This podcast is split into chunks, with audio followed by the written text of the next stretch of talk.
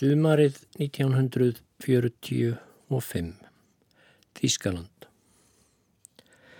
Þískaland er í rústum eftir síðari heimstyrjöldina. Milli 5 og 6 miljónir þjóðverja hafa fallið í stríðinu, bæði hermenn og óbreyttir borgarar, kannski fleiri. Það þýðir að næri tíundi hluti þýsku þjóðarinnar hefur dáið á þeim sex árum sem styrjöldin stóð. Margar miljónir er á vergangi, sérilega í fólk sem hefur rakist eða verið rakið úr eistribyggðum Þýskalands eins og það var. En þannig verður Þýskaland raunar aldrei framar. Flestar hinn að stærri borgarlandsins eru í rústum eftir gríðarlegar loftarásir bandamanna og í Berlín var barist hús úr húsi á síðustu vikum stríðsins. Þar stendur enþá víðavalla steinni við steini þótt nokkuð sé liðið frá styrjaldarlokum. Atvinnulíf innviðir allt hrundi í þeim ragnarökum sem Adolf Hitler og nótar hans höfðu kallað yfir Þýskaland. Landið er nú allt saman hernumið, rússar, bandaríkjumenn, brettar og meira segja frakkar vara um eins og húsbændur en þjóðverjar sjálfur eru slegnir út af læginu, lúbarðir, skömmustulegir, tortrygnir, hungraðir, gramir, já, hungraðir. Skorturinn í landinu er voðalegur. Það likur við hungursneið. Þótt hernumsveldin séu raunar í óða annar reyna að koma hlutunum af stað aftur. Það vantar mat, það vantar född, það vantar lif, það vantar svo ótrúlega margt. Í öðrum löndum bifast sumir af kulda hlátri þegar þeir heyra af hörmungum og skorti þjóðverja. Ha, segja sumir, þeir kalluðu þetta yfir sig sjálfur, bölvaðir. Þegar þeir letu líðast að Hitler og nazistar færi með blóði og ofbeldi og kúun og ránum og morðum um hernuminn lönd, er þá nema sangjant að þeir fá að bragða á sínum eigin meðlum. En smátt og smátt rennur upp fyrir æfleirum að þetta viðhorf gengur ekki. Það verður að koma óbreytum borgurum Þýskalands til hjálpar þánga til þeir komast sjálfur á lappir. Í blöðum, til dæmis hér á Íslandi, sjást stundum fréttir þess efnis að þjóðverjar þykji helst til frekir á hjálp og aðstóð frá öðrum löndum. Þeir vilja ekkert leggja á sig, svo segir á einum stað. Þeir vilja bara þykja og heimta, það. Sennilega er þó ekki um að ræða heimtufrekju eða sérlýpni í raun og veru.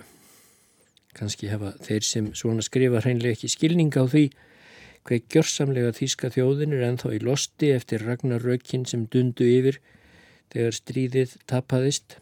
Heil þjóð getur líka fengið áfallastreitur öskun, það vitum við núna og líklega þjáðist þýska þjóðin af því í þó nokkur misseri eftir stríðslokk. En hvað sem svona röttum leið, og við skulum heldur ekki gera á mikið úr þeim, þá rannum síður flestum blóði til skildunar. Það er því að koma þjóðverjum til hjálpar, ekki síður en öðrum sem þjáðust eftir stríðið. Á Íslandi höfðu menn grætt á stríðinu, stóð ekki upp á okkur að leggja þessum meðbræður um okkar lið. Svo var skoðun Lúðvíks Guðmundssonar. Þegar stríðinu laug var Lúðvík að verða 50.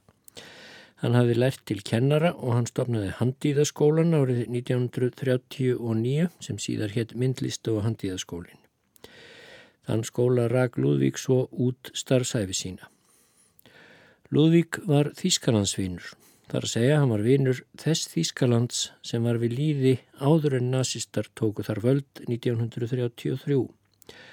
Það var einn af stopnendum félagsins Germaníu sem rak blómlega starfsemi á Íslandi á þriðja áratögnum og fram á þann fjörða. Hann þýtti brúðuleikritið Fást á íslensku og mun hafa gert það skínandi vel. Þegar Rauðikrossin á Íslandi ákvað strax í mæi 1945 aðeins um viku eftir formleg stríðslokk að senda fulltrúa sinn til stríðsrjáðu landana í mið-Evrópu í því skyni að hafa upp á Íslendingum þar og veita þeim nöðsynlega aðstóð og hjálp, engum með tillit til matarklæðinaðar og flutningsheim, Þá sóttist Lúðvík Guðmundsson strax eftir að fara þá för og meðal annars vegna þess að hann þóttist vita að þjóðverjar, venjulegir þjóðverjar sem hann mat mikils þyrtu líka á hjálpað halda og hann treysti sér til að vekja aðtikli á því. En fyrstakastið voru það þó Íslendingarnir sem sátu fyrir. Alls var talið að um hundrað Íslendingar væru búsettir eða innliksa á hinnum stríðshrjáðu svæðum, flestir í Þískalandi. Það var svo ekki fyrir hennum mitt þetta sumar 1945 sem Lúðvík komst af stað frá Íslandi. Hann fór fljúandi til Breitlands og svo bárust stópullar fréttir af ferðumanns næstu mánuðina. Hingað fóru þó með haustinu að týnast Íslendingar sem Lúðvík hafði aðstóðu við að komast heim og má til dæmis nefna að sérlegur vinur frjálsra handa kom á vegum Lúðvíks með lagarfossi 21. september 1945. Það var Stengrimjur Mattíasson Læknir sem kom frá Danmörku og ásamt honum 45 aðrir sem ímist höfðu verið á Norðurlöndum eða í Þýskalandi. Lúðvík fór um Austuríki, Tjekkoslovakíu, Niðurlönd, Frakland, Auk Þískalands og þann 11. november byrtust fréttir í íslensku blöðunum um að honum hefði tekist að fá reglulega matarpakka frá danska rauðakrossinum handa öllum Íslendingum sem hann hafði náð sambandi við á ferðsynni. Hins vegar vantaði hlýjan vetrarfatnuðu skó nú þegar vetur fær í hönd. Rauðikrossin hóf þá mikla söpnun bæði til að senda Íslendingum hjálpargögn og kosta ferð Lúðvíks. Lúðvík kom svo heim með farþegarskipinu dronning Aleksandríne þann 10. desember 1945 eftir sex mánada útivist og voru með skipinu 147 farþegar þar á meðal margir þeirra sem Lúðvík hafði leitað uppi og hjálpað til heimferðar. Blaðamadur Alþjóðublaðsins, Tórólf Smitt, hafði viðtal við Lúðvík við heimkomuna og það er ástæði til þess að vitna til þessa viðtals í nokkuð löngumáli. Ég kem með sterkari trú á íslenskum stopni en ég fór, saði Lúðvík. Í raun skal mannin reyna, þrátt fyrir ólýsanlega hrakninga og hverskins vandræði hafa Íslendingar sem dvalið hafa styrjaldar árin á meginlandi Evrópu aldrei látið bugast. En mætt hörmungunum með styrkum huga og áræði og yfirbuga þá eins og yfirleitt er hægt að yfirbuga erfiðleikana á meginlandi Evrópu um þessar myndir. Og það vil ég taka fram að íslensku konurnar hafa sínt sangkallaða hetju lund. Mart af þessu íslenska fólki hefur mist heimili sín og sumt allar eigur og það jafnvel margsinnis. Sumt hefur orðið að rekjast stað úr stað, fótgangandi og allslaust í sumum tilfellum hundruð kílometra en það hefur aldrei látið bugast. En jáfnframt þessu, held Lúðvík áfram, vil ég segja það að ég kem heim bölsýtni á ástandi í heiminum en ég var þegar ég fór. Þá þóttist ég af fregnum í útvarpi og blöðum kunna skila á því hvernig ástandið væri í raun og veru. En þegar ég stóð mitt í hörmungunum skildi ég fyrst hversu lítið ég hafði vitað. Flest allar borgir Þískalands eru í rústum og fólkið lifir við kjör sem enginn getur skilið nema sá sem sjálfur reynir. Það er erfitt að komast hjá því að tapa alveg trúnni á mannin við að sjá mið-Evrópu nú. Það var eitt sinn sagt að maðurinn hreinsaðist í eldrauninni og við hana kemi út hinn betri og hreinni maður. En svo mynd sem ég fæ heim með mér í Evrópu nú sannar þetta ekki. Vegna hinn að takmarkalösu rauna sem fólkið hefur orðið að þóla hefur eigingirnin og sjálfshyggjan nærst og nær engin hugsaður um annað en sig og sína. Hróðalegast af öllu er að sjá flótafólkið. Þarna ægir öllu saman, börnum og gamalmennum, konum og körlum. Þetta fólk á hvergi höfði sínu að halla og það er alls löst. Heimilin eru sundruð og fjölskyldurnar, börnin finn ekki foreldra sína og foreldrar ekki börn sín, konur finn ekki menn sína og menninir ekki konur sínar. Það er sagt að um 25 miljónir manna séu vergangi í mið-Evrópu. Ég vil segja, hvað sem líður segt þýsku þjóðarinnar, þá verður Evrópa og yfirleitt hinn mentaði heimur vegna sjálfsín að gæta betur að.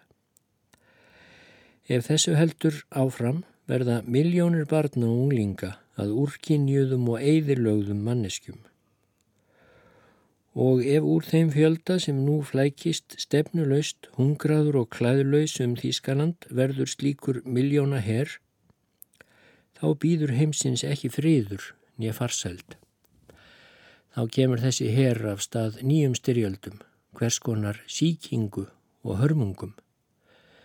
Maður verður bókstaflega að brinja hugsin þegar maður stendur mitt í allir þessari ægilegu eimt og neyð. Hafðir þú spurnir af mörgum Íslendingum, spyr Tóról Smitt. Áður en ég fór fekk ég nöfn á um hundrað Íslendingum og fólki af íslenskum stopni, svarar Lúðvík. Mér tókst að hafa upp á nær öllum að sára fáum undan skildum. Engin Íslendingana hafði farist af hernaðar ástæðum eða slasast alvarlega. Tvær konur hafðu látist af sjúkdómum, Íta Sjönnerverk í Vesirmynde og Gróa Hýbner í Íserlón. Rauðikrossin hefur nú komið 40 þessara Íslendinga hingað heim eða til Danmerkur. Hitt fólkið ætlar annarkort að vera kyrt í löndunum eða það ætlar að koma setna. Ég heimsótti þetta fólk flest persónlega og reddi við það. Rauðikrossin sendir matarbögla til þessa fólks einu sinni á mánuði. Hvernig gekk ferðalagið, spyr bladamadur. Ég fór hérðan 20. júni og þá til London. Hér var ekki neitt vegur að útvöga sér nöðsynleg skilríki til að geta farið um Þískaland eða yfirleitt hernaðar svæðin. Í London undirbjó ég starf mitt eins og frekast var kostur en fór síðan til Parísar og þaðan skrifaði ég beint til aðalstöðva Eisenhowers yfirmanns herrafla bandamanna sem aðsettur hefur í Frankfurt og hjá þeim fekk ég svo ferðarleifi.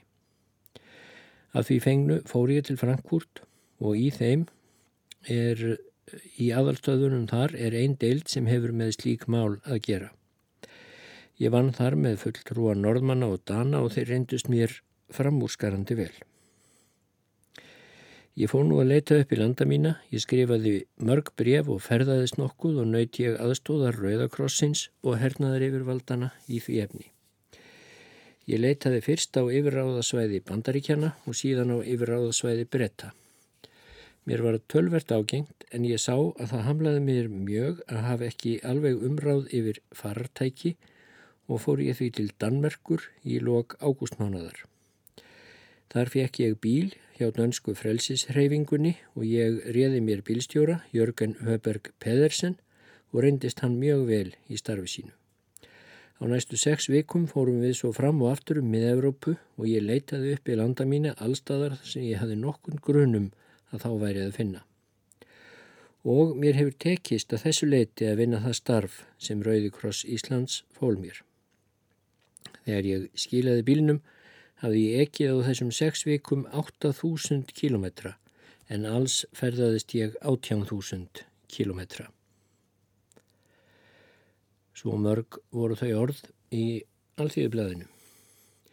Dorulf Smitt segir endar í lokviðtalsins að Lúðvík hafi sagt sér margt fleira frá ferðsynni.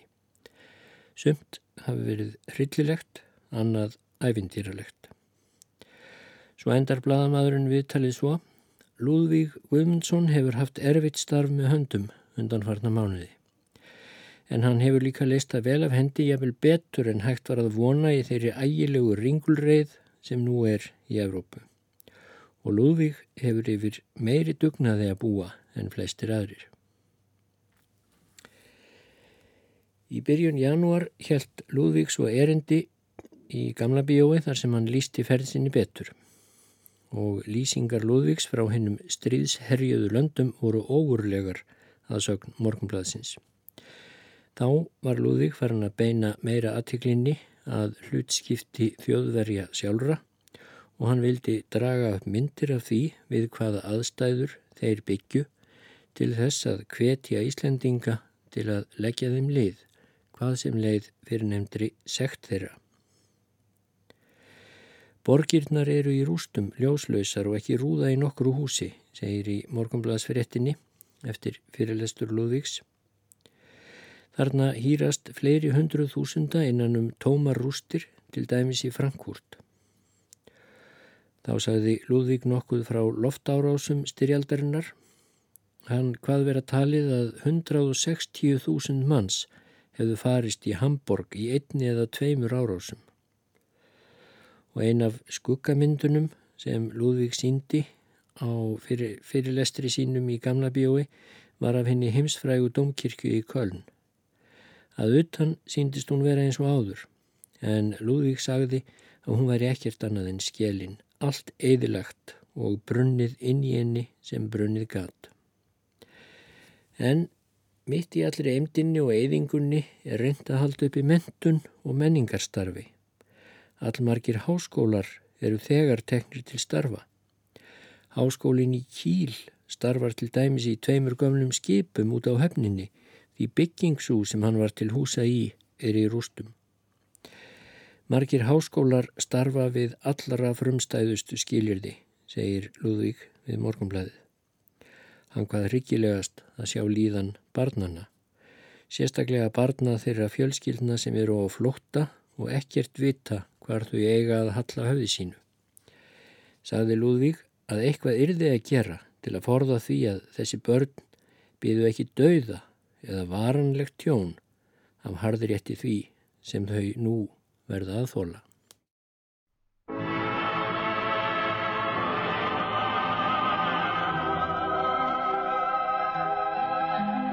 Ich weiß, es wird einmal dann werden tausend Märchen wahr. schnell kann keine Liebe vergehen, die so groß ist und so wunderbar. Wir haben beide denselben Stern und dein Schicksal ist auch meins. Du bist mir fern und doch nicht fern, denn unsere Seelen sind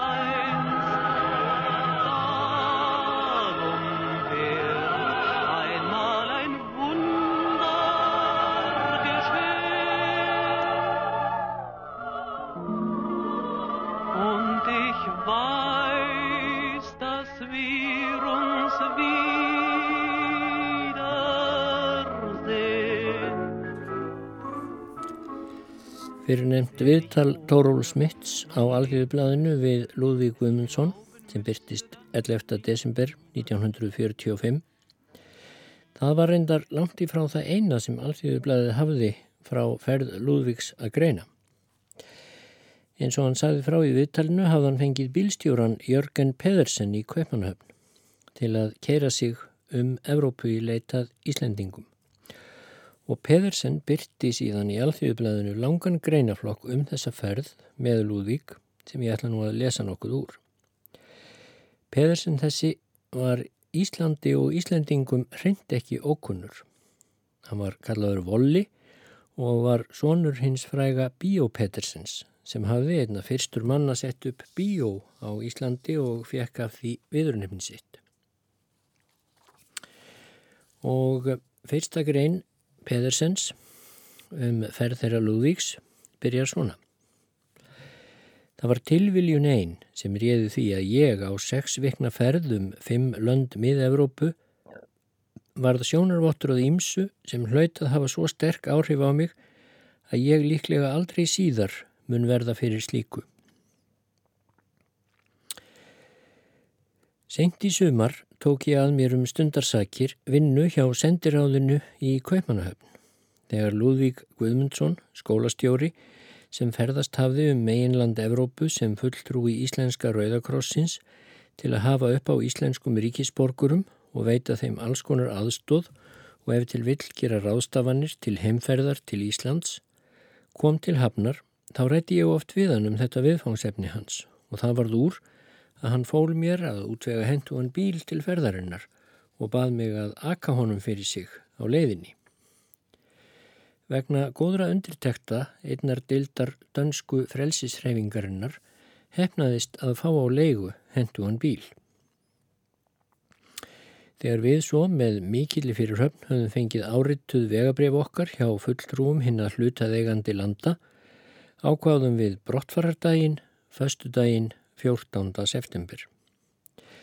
Ferðin söður Danmörk, Danmörku, þar sem uppskeran var í fullum gangi, gekk eftir áallun.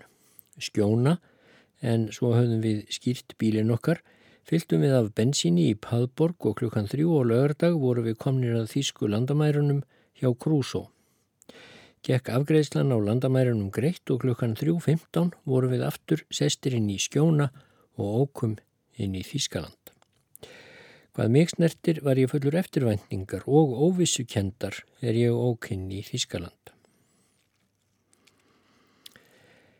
Í fyrstu virtist ástandið mjög líkt ástandinu í Danmörku en þegar í Flensborg varð munurinn auðsær. Þessi hálfdanski bær sem fyrrum hafði svo léttan blæ yfir sér hafði aukist mjög að fólksfjölda. Á göttum og gangstjettum úði og grúði af fólki, konur sem karlar, gamalmenni og börn. Allir dróust áfram með handvagna eða stóra bögla. Flest var fólkið sæmilega til fara, þó til dæmis væri undantekning að sjá hvern mann í sokkum. Flóttafólkið hefur margfaldað íbúatölu bæjarins og þýskur lauruglu þjóttn saði mér frá því að ruppl og þjófnaður væri á hæsta stíi þar. Hann áleitt að 6-7 manns byggjuða jafnaði í hverju tvekja herbergja íbúð. Þrátt fyrir allt flóttafólkið hefur Flensborg enn annan svip yfir sér en aðrar þýskar borgir, vel viðhaldin hús eru þar í stað rústa annara þýskra borga sem við áttum eftir að sjá síðar á ferð okkar. Öryggi er þar í stað örbyrðar og óvissu. Matvæla ástandið er hér betra en annar staður og hægt er að fá allar þær vörur sem kaupir leifð á samkvæmt skömmtunarsæðlum.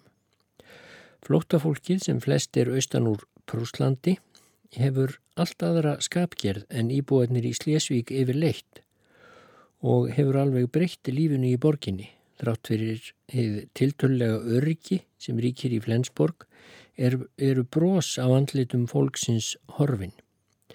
Jafnvel sveipur barnana ber merki viðburða síðustu ára og þungi hlýfðarleysisins gleimist heim engastund dagsins. En þar áttur allt er Flensborg sjálfsagt sábær Þískalands sem hefur mesta möguleika á að veita íbúum sínum viðunandi lífskilirði. Ferðin held svo áfram um Slésvík og Kíl til Lübeck. Í Slésvík eru litlar skemmtir af völdum sprengjuvarps og fyrst er til Kílar kemur sjást veruleg ummerki stríðsins. Öll bygging umhverfis höfnina á margara ferrkilometra svæði er gjörsamlega horfin.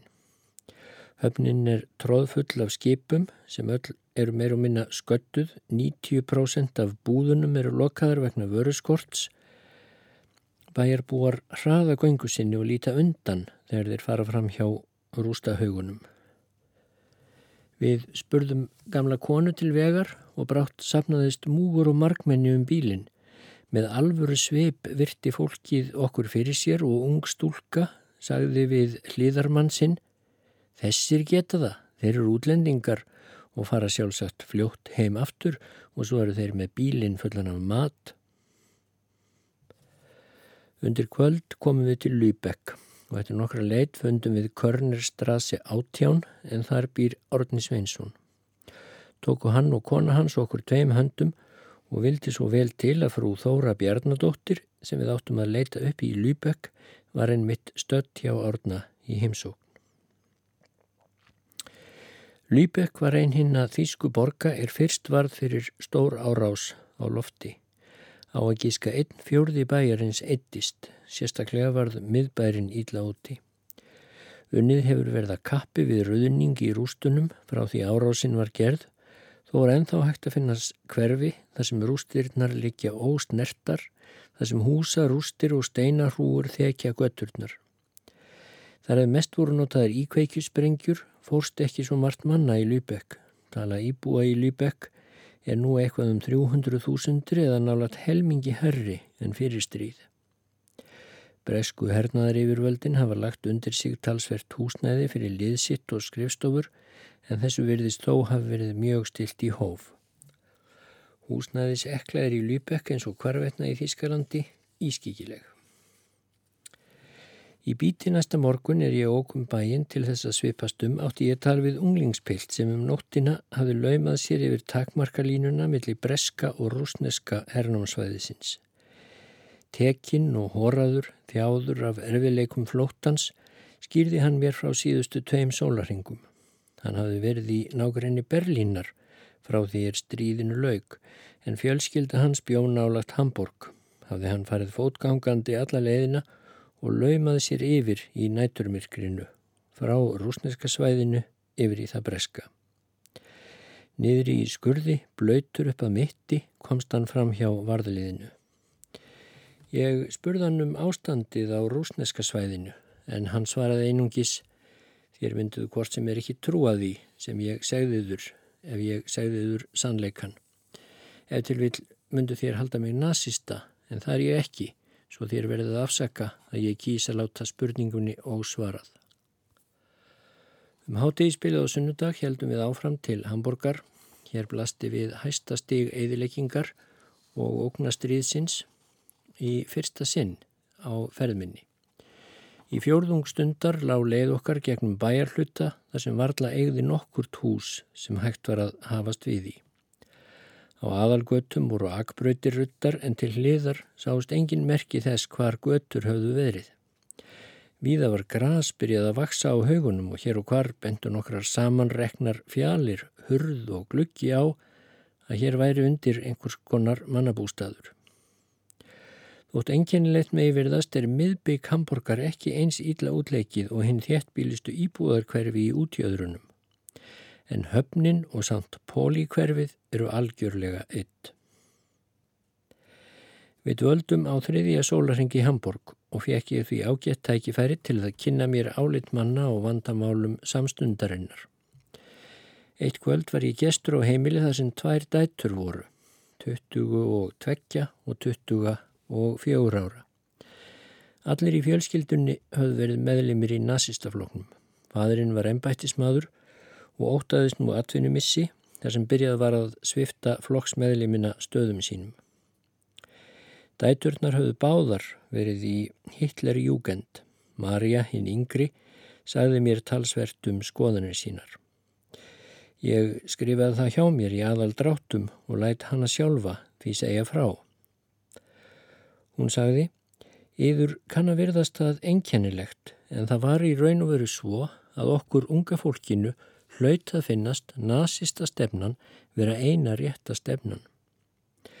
Við erum fætt rétt eftir stríðslokkin fyrri og alin upp á tímabili sem hlaut að vera tímabil milli tvekja styrjalda. Við vorum öll tekin í Hitlerjúgend þegar við vorum barnung.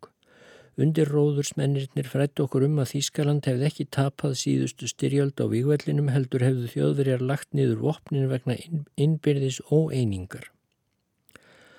Okkur fannst Hitler aldrei neitt átrúnaðar goð en við álitum að vilji hans til að vinna Þýskalandi gagn væri tvímælalauðs og okkur óraði ekki fyrir því að hann myndi reynast Þýsku þjóðinni eins og síðar síndi sig.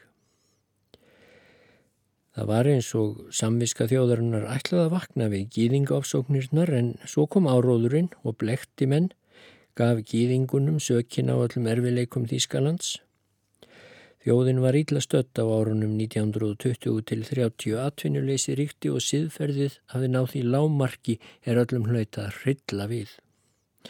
Nú er öllum ljóst að svo leið er farin var er hættuleg en í örvendingu okkar virtist okkur nazismin vera eina leiðin út úr ógöngunum og í stað þess leitt hún til enn meiri eimdar.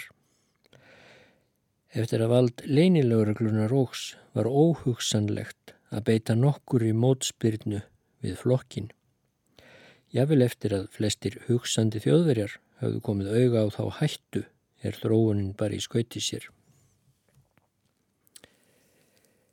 Svo mörg voru þau orð. Þetta er sjálfsagt nokkur megin enkennandi skoðun margra þeirra þjóðverja sem á einhverju tímabili letu ginnast af kenningum Hitlers, sagði pólskur gýðingur sem ég á tilviljun talaði við um þetta efni. Engin verðist vera ábyrgur fyrir stríðinu. Búkhenvald og hinnar hel búðirnar þykist engin þeirra vita neitt um, fremur en mistyrmingu nazista og þjóðum og þjófnaði þjóðar egna, hernumdu, hernumdu þjóðana. Þeir halda því fram að þeir hafi verið neittir út í stríðið og vilja alltaf skella skuldinni á SS og Gestapo. Engin vil nú kannast við aðdánar výmuna sem gekk eins og faraldur um allt Ískaland þegar Östuríki og svo Tjekkoslovakia voru innleimuð í Þíska ríkið og náði hámarki sínu við Sigurinn í Pólandi höstið 1939. Þrátt fyrir allt þetta er eins og skoðun ungu kynsluðurinnar sé ekki eins neikvæð og skoðun eldri kynsluðurinnar. Gamla fólkið sínist algjörlega hilja sig í ábyrðarleysinu og virðist þeirra skoðunar að allt framtak verði að koma utan að. Þegar sápu, mat eða annað vantar þá byrjar eldra fólkið óðar að kenna bresku hernaðar yfirvöldunum um þetta og kvartar yfir því að ekkert sé gert til að hjálpa Þýskalandi. Aftur á móti virðist vísir sjálfstæðrar pólitískrar íhugunar verað þróast meðal yngri kynnslóðurinnar með strángleika, nærgætni og umframallt réttvísi, þá ætti að vera hægt að grundvalla pólitíska fræðslu og framþróun sem á nokkrum árum gæti gert Þískaland, Þískalandi klift að abla sér sætis á bekk meðal líðræðisríkja Evrópu.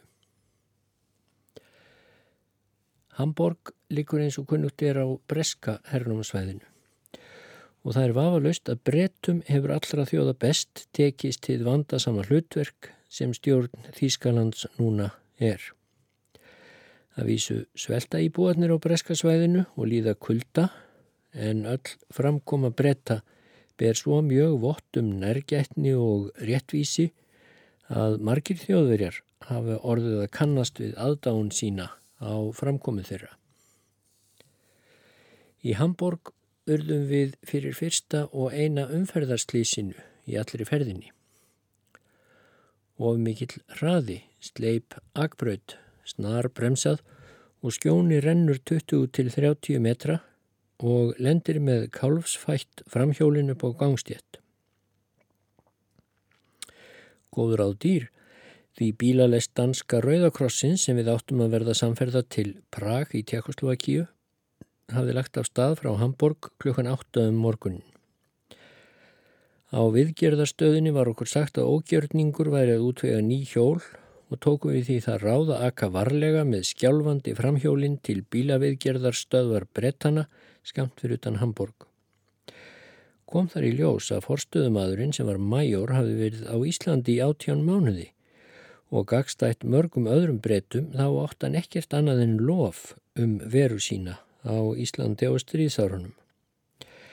Drátt fyrir það að fyrirmæli hans bönnuðu honum að taka annað en herbyrðar til viðgerðar tók hann þegar tvo menn frá vinnu og skipaði þeim að gera við skjóna. Þetta tók upp undir það fjóra stundir og að þeim loknum þá stóð skjóni með tvö spánni í framhjól sem skrúið hafðu verið undan þýskri hernaðarbyrðið Í fyrstu vildi majórin ekki heyra borgun nefnda en til málamynda gerða nokkur rikningu upp á fjögur til fimm þýsk mörg. Ekki var það mikið. Nú þeisti skjóni með okkur um Hannover til Nordheim þar sem við náðum dönsku bílalestinni og gistum um nóttina og framundan var Prag.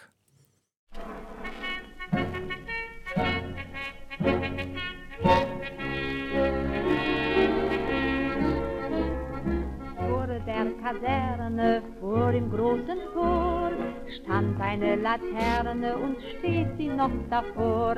So wollen wir uns da wiedersehen, bei der Laterne wollen wir stehen, wie einst Lili Marleen, wie einst Lili Marleen.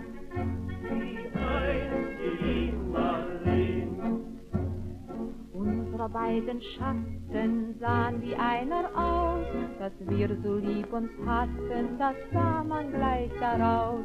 Und alle Leute sollen es sehen, wenn wir bei der Laterne stehen, wie einst Lili Marleen,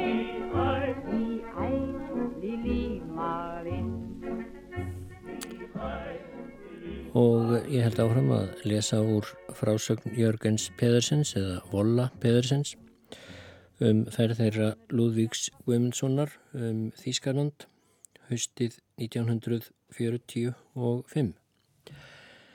Áður en leiðin lág til Tjekkoslovakíu þá áttum við eftir að keira um stóran hluta Þískalands.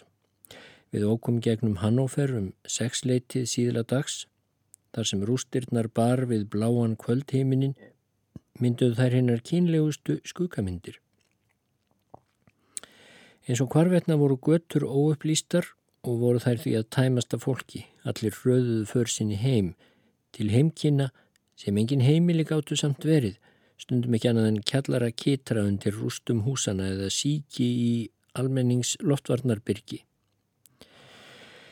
Áhyggjurnar voru auður lesnar af svip fólksins, engin matur, ekkert gas, engin eldiviður og rámagnið skamtað svo úr nefa að aðeins mátti nota það til að bregðu upp ljósi í brínustu þörf. Frá Nordheim kyrðum við eldsnemma næsta morgun um Würzburg og Nürnberg til Herzbruch, Würzburg og Nürnberg. Borgirnar eru þannig útleiknar að því verður ekki með orðum líst. Ekki aðeins einstakka göttur eða bæjarhlutar líkja í ösku heldur eru báðar borgirnar því sem næst algjörlega eittar. Í Nürnberg byggu þeir íbúar sem enn voru á lífi annaðkort í rústunum eða í nágrenni bæjarins. Það er auðskilið en neyðinni verður ekki líst. Þegar við vorum þar skein sólinn og veður var hlýtt. Þúsundir manna, barna og fullorðina höfðust við í tjöldum, heilöðum og bráðabyrða húsakinnum sem útbúin voru í rústunum. Hvernig fer fyrir þessu fólki þegar vetur kemur með kulda og hörku mun öllum auðsætt. Nürnberg er á ameríska herstjórnarsvæðinu og alltaf helmingur setuliðsins virðist vera negrar. Með þjóðkynja hattur þjóðverja í huganum hófi ég viðræður við símaverkamenn sem stóð og togaði símataugar upp úr rústunum. Negrarnir, sagðan, þeir eru margfalt auðveldari að eiga við en kvítu amerikanarnir. Negrarnir hafa einnig reyndað að lifa við ánauð eins og við gerum nú og þeir skilja því betur afstöðu okkar en hinnir. Reyndar sagðist hann vera hissað því að negrarnir sem hann kannadist við að hafa áður talið vera úrrak mannkinsins skildu vera þrýfalegir og snirtilegir. Hafðan víst búist við hálgerðum mannætum. Til Herzbrúk komum við síðla kvölds. Þar var varðlað þverfótað fyrir bandarækjamanum. Það var ekki hægt að fá næturgistingun einstadar svo við vorum við því búnir að þurfa að sofa í bílunum. Til þess að stitt okkur stund skröppum við inn á veitingahús og ætluðum að fá okkur bjór en hann var ófáanlegur. Sala bjórst er engungu leið til setuliðsmanna. En þegar neyðin er stæst er hjálpin næst. Í þessu tilfelli var það hermaður í bandaríkjabúningi var náungin þó norskur og hétt Ott Sólem. Hafðan verið sex ári í ameríska hernum og var næstum búin að týna niður móðurmáli sínu. Með þeirri vinnsemt sem ennkennir Norðurlanda búa þegar þeir hittast fjarrri heima högum þá bauðst hann til að útvega okkur bjór frá veitingastofum setuliðsins. Þegar við vorum sestir hver með sitt bjórglasið sagðan okkur af högum sínum. Hann hafði verið í bandaríkunum síðan 1938 og gefið sig fram sem sjálfbóðaliða í herin þegar stríðið hófst. Fannst honum afleitt að þurfa að vera hér sem fangavörður í Þískalandi sem hann kallaði blóðugt og bölvað land. Hann fyrirleit þýskar konur, saði þær vera falar fyrir súkulaðimóla eða bytta af smjöri. Reyndar fannst honum það stór skissa hjá bandaríkjumönnum að hafi ekki drepið alla íbúana í bæins og Nürnberg í loftarósunum. Þeir hafa kortið er hverki höfðu sína að halla og við höfum enginn notað þeim og til hvers fjandans eru þeir þá?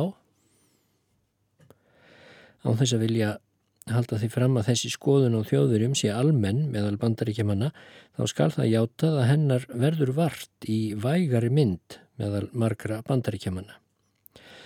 Amerískur liðsfóringi saði mér til dæmis að eina rétta aðferðin í Þískalandi væri að sannfæra þjóðveri um það að nú væri búið að berja þá alveg niður og að bandamenn væri fúsir til þess að gera það aftur í hvert skipti sem þau reynda að reka trjónuna upp úr kafinu aftur. Ég var svo heppin að fá samt næturgistingu og þegar ég um nóttina var á leiðinni þangað fór ég fram hjá henni fornu domkirkju í Hertzbrúk. Þak og turn voru sprengt burt og allir innviðir voru brunnir. Við alltarið stóðu 8-10 ölvaðir hermen og stungu, sungu svingsöngva en aðrir dönsuðu syngjandi fullir á kirkjugólfinu. Næsta dag ógum við áfram og komum um nýju leitið að kvöldi til Hirtshaf er það smá bær nálagt landamærunum teknisku. Engin gistihús voru þar svo við verðum að sjá okkur fyrir gistingu í heimahúsum. Við Lúðvík fengum næturvist hjá Livsalanum þar í bænum. Næsta morgun, förstu daginn 21. september, heldum við áfram og fórum yfir teknisku landamærin hjá þorpinu Rostadaf. Við landamærin var amerísk varðstöð en af tekkahálfu var að heita má ekkert eftirlitt. Yfirmaður tekniska liðsins, Fantísek, var mjög hjálpsamur og létt framreiða heitan mat fyrir okkur en slíkt höfum við ekki bragðað dögum saman. Strax þegar við vorum komnir yfir landamærin í Tjekkoslovakíu urðum við þess varir að hér ríkti allt annar hugblær en í Þískalandi. Brós og ánæja settu svipsinn á mannfólkið. Þrátt fyrir það að tjekka vantaði í raun og veru allar nöðsinjar og að matvörur væru mjög af skortum skamti, þá er gleði tjekka hefur fengnu frelsi undan þjóðverjum svo mikil að áhyggjurnar verðast hverfa. Þorpin í Tjekkoslovaki eru hverginar eins hreinleg og þýskuþorpin. En aftur á móti mætir manni hér svo mikil unaður og smitandi lífsgleði að slíkt hefur ekki þekst í Þýskalandi um margra ára skeið. Út á gangstjættunum standa mæðurnar og þvó stórþvott á meðan krakkarnir kút velta sér í ríkinu í götturæsunum, skítug, solbrend og æslafull. Klukkan tólf ringir upplesari bæjarins bjöllu sinni á aðalgötunni, allar konurnar þurka vætuna af höndum sér, fleia svundunni af sér og bráttir upplesarin umkringdur af malandi og brosandi fólksfjölda. Hann ringir aftur bjöllunni til að hveða sér hljóðs og byrjar upplesturinn. Í dag snúast allar opnumberðar tilkynningar um þýsku íbúana í Tjekkoslovakíu. Öllum þjóðverjum á að vísa úr landi og eignir þeirra að ganga til tekniska ríkisins. Til að engkenna þjóðverjana þá eiga þeirra ganga með kvítan borða um handleikin. Samtals á að vísa tæplega þremur miljónum þjóðverja úr landi. Eftir háttegið heldum við áframferðinni til Pilsen. Alþjóður Rauðikrossin útfegði okkur gistingu í húsakinnum sem nota átti sem flótumannastöð. Pilsen er vistlegur bær og mjög tekniskur í útliti. Á aðaltorki bæjarins er haldinn markaður á hverju morgni og það er hægt að kaupa allt sem nöðsynlegt er. Skömmtunarmiða þarf þá að afhenda við öll kaup. Á meðan ég stóð og aðtugaði aðferðir fólksins kom Karlangi til mín og ávarpaði mig. Hann veitti eftirtekt að ég hlaut að vera útlendingur. Var hann yfir sig hlessa þegar ég sáð hann frá hvaða landi ég væri. Ef til vill til að sína mér hvað gestrisnir tjekkar væru, þá dró hann mig með sér inn í Livjabúð. Inn í bakherbergi þar tók hann upp flösku og held ég á glösand okkur tvo rosa hundaskamta. Viðræður okkar voru því miðurvissum erfileikum bundnar þar að hann kunni auk teknesku aðeins örlítið í frönsku en skildi kvorki þísku nýja ensku. Til að ráða bót á þessu vandkvæði sótt hann afgreðslu stúlku fram í búðina og bað hana vera tólk. Þessi unga stúlka sem héttu Vera talaði ensku ágætlega, svo vinur minn og skálbróður gatt fengið svalað forvitni sinni. Ég sem fyrir hálfri stundu þekkt ekki nokkurt mann þarna inni átti nú allt í einu tvo vini. Hinn fyrir þeirra dróð sig því miður fljótt í hlýja Þessi gjöfuli vinnur minn kunni auðsjáanlega ekki að fara með snappan og skýrði mér allt innu frá því að hann væri alltaf vanur að fá sér hátiðisverðarblönd.